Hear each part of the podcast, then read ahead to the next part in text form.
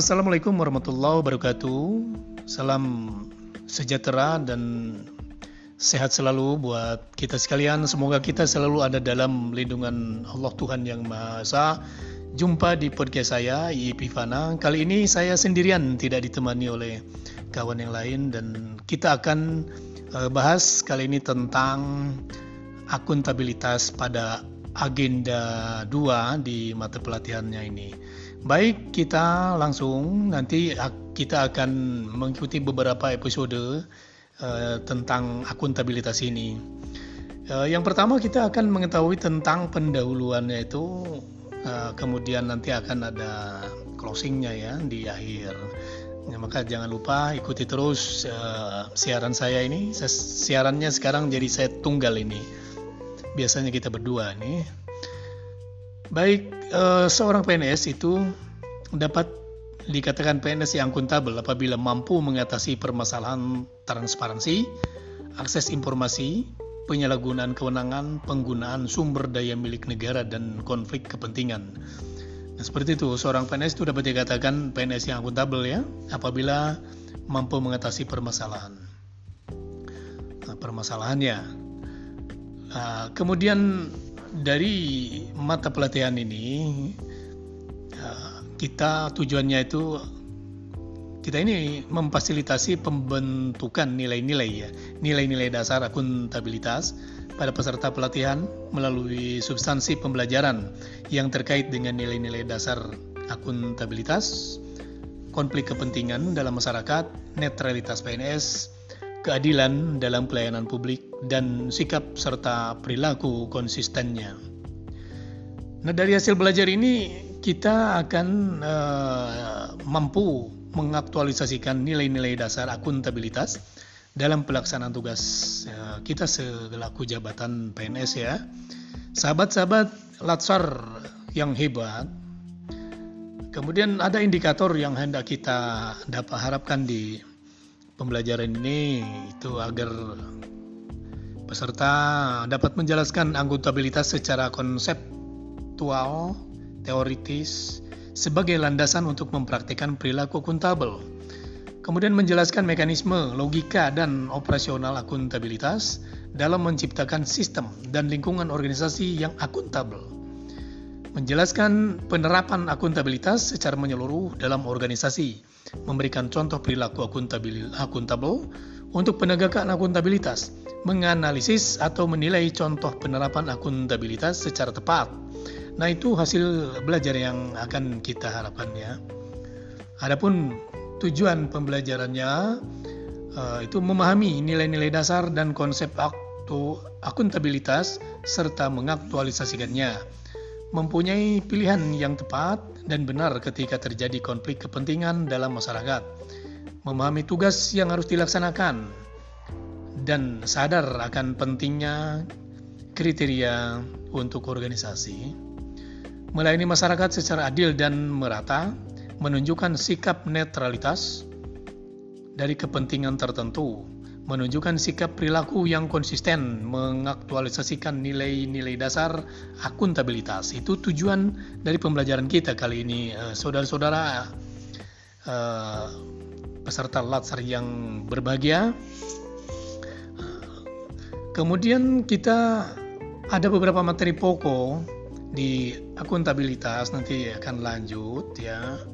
Di antaranya nanti ada konsep akuntabilitas kemudian bagaimana mekanisme akuntabilitas dan ada studi kasus untuk akuntabilitas dan menjadi PNS akuntabel serta akuntabilitas dalam konteks transparansi informasi kemudian dalam penggunaan sumber daya milik negara. Nah, itu uh, untuk materi pokoknya. Baik kita akan uh, sedikit mengetahui tentang apa itu konsep akuntabilitas. Konsep akuntabilitas. Oke. Di sini mulai dari pengertian akuntabilitas, aspek akuntabilitas, pentingnya akuntabilitas, tingkatan akuntabilitas. Jadi konsepnya seperti itu. Untuk akuntabilitas ada beberapa item ya. Pengertian, akuntabilitas, aspek akuntabilitas serta pentingnya akuntabilitas dan tingkatan akuntabilitas. Nah, eh, bagaimana akuntabilitas dan responsibilitas? ASN di sini perlu uh, memiliki akuntabilitas dan kewajiban pertanggungjawaban yang harus dicapai. Responsibilitas dan responsibilitas adalah kewajiban untuk bertanggung jawab. Jadi ada akuntabilitas dan responsibilitas. PNS ini harus memiliki dua hal yang pertama itu responsibilitas dan akuntabilitas. Nah, masing-masing punya konsep pengertian yang tertentu. Akuntabilitas itu seperti apa? Akuntabilitas adalah merujuk pada kewajiban setiap individu, kelompok atau institusi untuk memenuhi tanggung jawab yang menjadi amanah. Amanah seorang PNS adalah menjamin terwujudnya nilai-nilai publik yaitu mampu mengambil pilihan yang tepat, memiliki pemahaman dan kesadaran untuk menghindari dan mencegah keterlibatan PNS dalam dalam politik praktis, memperlakukan warga secara sama dan adil, menunjukkan sikap dan perilaku yang konsisten dan dapat diandalkan sebagai penyelenggara pemerintahan. Itu yang dimaksud dengan akuntabilitas. Kemudian aspek-aspek akuntabilitas. Akuntabilitas adalah sebuah hubungan dan berorientasi pada hasil. Accountability is result oriented. Kemudian membutuhkan adanya laporan dan memerlukan konsekuensi serta memperbaiki kinerja. Nah, itu dari aspek akuntabilitasnya. Lalu eh, bagaimana pentingnya akuntabilitas itu? Peran dan demo, peran demokrasinya itu menyediakan kontrol demokratis, kemudian mencegah korupsi dan penyalahgunaan kekuasaan itu dari peran konstitusional. Bagaimana peran dalam belajar, meningkatkan efisiensi dan aktivitas. Nah, itu tingkatan akuntabilitas. Mulai akuntabilitas itu ada akuntabilitas personal, akuntabilitas individu, akuntabilitas kelompok, akuntabilitas organisasi, dan akuntabilitas stakeholder. Jadi ada lima tingkatannya itu. Tingkatan yang pertama itu adalah tadi personal, kemudian individu, kelompok, organisasi dan stakeholder.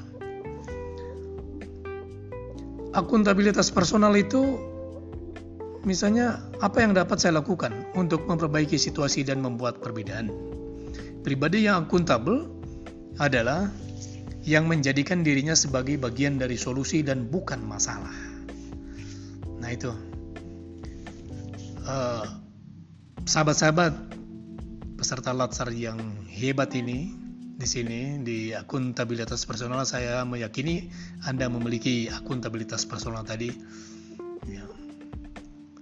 Dan adapun akuntabilitas individu itu hubungan antara individu dan lingkungan kerjanya yaitu antara PNS dengan instansinya sebagai pemberi kewenangan dan instansinya bertanggung jawab untuk memberikan arahan yang memadai, bimbingan, dan sumber daya serta menghilangkan hambatan kinerja.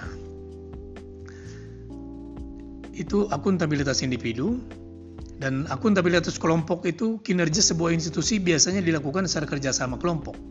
Jadi di sini kalau kelompok itu adalah uh, di institusi ya. Hasil hasil itu adalah berkat kinerja bersama. Jadi kerjasama kelompok namanya, pembagian kewenangan dan semangat kerja yang tinggi, nah, semangat kerjasama yang tinggi antar berbagai kelompok yang ada dalam sebuah institusi memainkan peran yang penting. Jadi peranan penting ini adalah di sini adalah pertama pembagian kewenangan ya, untuk tercapainya organisasi yang diharapkan.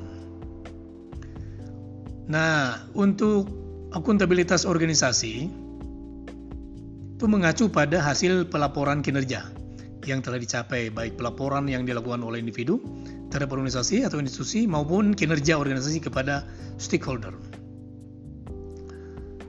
Akuntabilitas stakeholder adalah mereka masyarakat umum, pengguna layanan dan pembayar pajak misalnya memberikan masukan, saran dan kritik terhadap kinerjanya. Ini stakeholder ya. Akuntabilitas stakeholder itu tanggung jawab organisasi di sini. Pemerintah ya organisasi pemerintah di sini yang dimaksudkan untuk mewujudkan pelayanan dan kinerja yang adil responsif dan bermartabat Oke, kita masuk ke jenis-jenis ya. Jenis-jenis akuntabilitas, sahabat eh, peserta latsar yang hebat ini. Kita masuki jenis-jenisnya. Uh, pertama itu vertical accountability, pertanggungjawaban atas pengelolaan dana kepada otoritas yang lebih tinggi.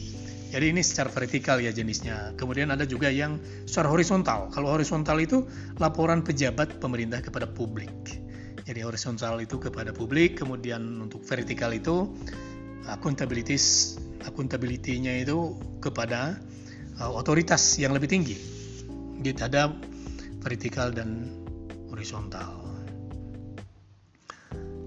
Oke, kita lanjut di bab selanjutnya mengenai mekanisme akuntabilitas.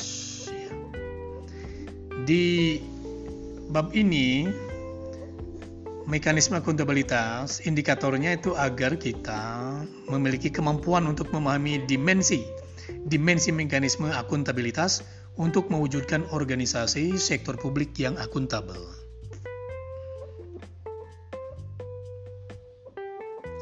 Dimensi dalam mekanisme akuntabilitas itu akuntabilitas kejujuran dalam hukum. Kepatuhan terhadap hukum dan peraturan yang diterapkan. Nah, ini yang pertama dimensi uh, kejujuran dalam hukum. Kemudian dalam akuntabilitas dalam proses atau prosedur yang digunakan. Dan akuntabilitas program. Bagaimana tercapainya program dan alternatifnya yang berikut adalah akuntabilitas kebijakan. Jadi dimensi akuntabilitas kebijakan itu pertanggungjawaban atas kebijakan yang diambil. Nah, itu dimensi dalam mekanisme akuntabilitasnya. Bagaimana mekanisme akuntabilitas birokrasi di Indonesia? Itu ada tahapan atau milestone atau tingkat tahapannya di sini. Yang pertama itu strategic plan bagaimana rencana jangka panjang menengah atau menengah gitu ya misalnya dari strategic plan tahapannya ini kemudian eh, kontrak kinerja. Kesepakatan antara pegawai dan atasan itu harus ada kontrak kinerja. Kemudian tahapan selanjutnya itu laporan akuntabilitas kinerja instansi pemerintahan atau istilahnya lakip ya laporan akuntabilitas kinerja instansi pemerintahan atau lakip. Laporan akuntabilitas kinerja pemerintah yang berisi peran perencanaan dan perjanjian kerja tertentu. Itu alat akuntabilitas di Indonesia. Seperti itu gambarannya mengenai mekanisme akuntabilitas birokrasi di Indonesia. Nilai-nilai dasar ya untuk menciptakan lingkungan kerja yang akuntabel itu ada beberapa nilai. Yang pertama itu bagaimana nilai kepemimpinannya kemudian nilai integritas, tanggung jawab, keadilan, kepercayaan, kelembagaan, konsistensi dan kejelasan. Itu nilai-nilai dasar untuk menciptakan lingkungan kerja yang akuntabel. Jadi harus memiliki nilai-nilai integritas, tanggung jawab, ada kejelasan, konsistensi, keadilan, kepercayaan dan kelembagaan. Uh, baik sahabat-sahabat latsar yang berbahagia, langkah-langkah dalam menciptakan framework akuntabilitas itu. Yang pertama ini ada siklusnya, ya. misalnya pertama itu tentukan tujuan dan tanggung jawab. Setelah menentukan tujuan dan tanggung jawab itu, kita merencanakan apa yang akan dilakukan untuk mencapai tujuan.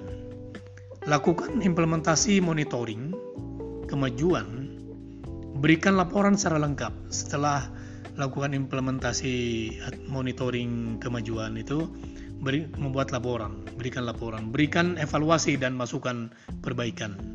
Kemudian tentukan lagi untuk tujuan dan tanggung jawab. Itu secara bersiklus kembali menentukan lagi tujuan dan tanggung jawab, kemudian rencanakan apa yang uh, akan dilakukan untuk mencapai tujuan, lakukan implementasi monitoring kemajuan, berikan laporan secara lengkap, berikan evaluasi dan masukan perbaikan. Itu dalam siklus itu bisa di cut dalam eh, frame-frame yang uh, segmen-segmen atau sekuennya sekuen yang uh, tujuan pendeknya gitu ya. Nanti tujuan pendek itu dalam rangka mencapai tujuan uh, jangka panjangnya, jangka menengah atau panjang. Nah demikian uh, saudara sahabat Latsar yang berbahagia di episode yang pertama ini. Uh, mudah-mudahan kita dapat memahami uh, materi yang disampaikan. Nanti kita akan lanjut di uh, episode berikutnya. Saran, masukan dan sebagainya. Uh, saya sangat mengharapkan itu. Silakan uh, bisa disampaikan saran dan masukannya dan Eh, melalui IG saya, Facebook saya, uh, serta di Twitter saya. Uh, semuanya silakan kita bisa berinteraksi dan jumpa lagi nanti di episode berikutnya. Terima kasih. Wassalamualaikum warahmatullahi wabarakatuh.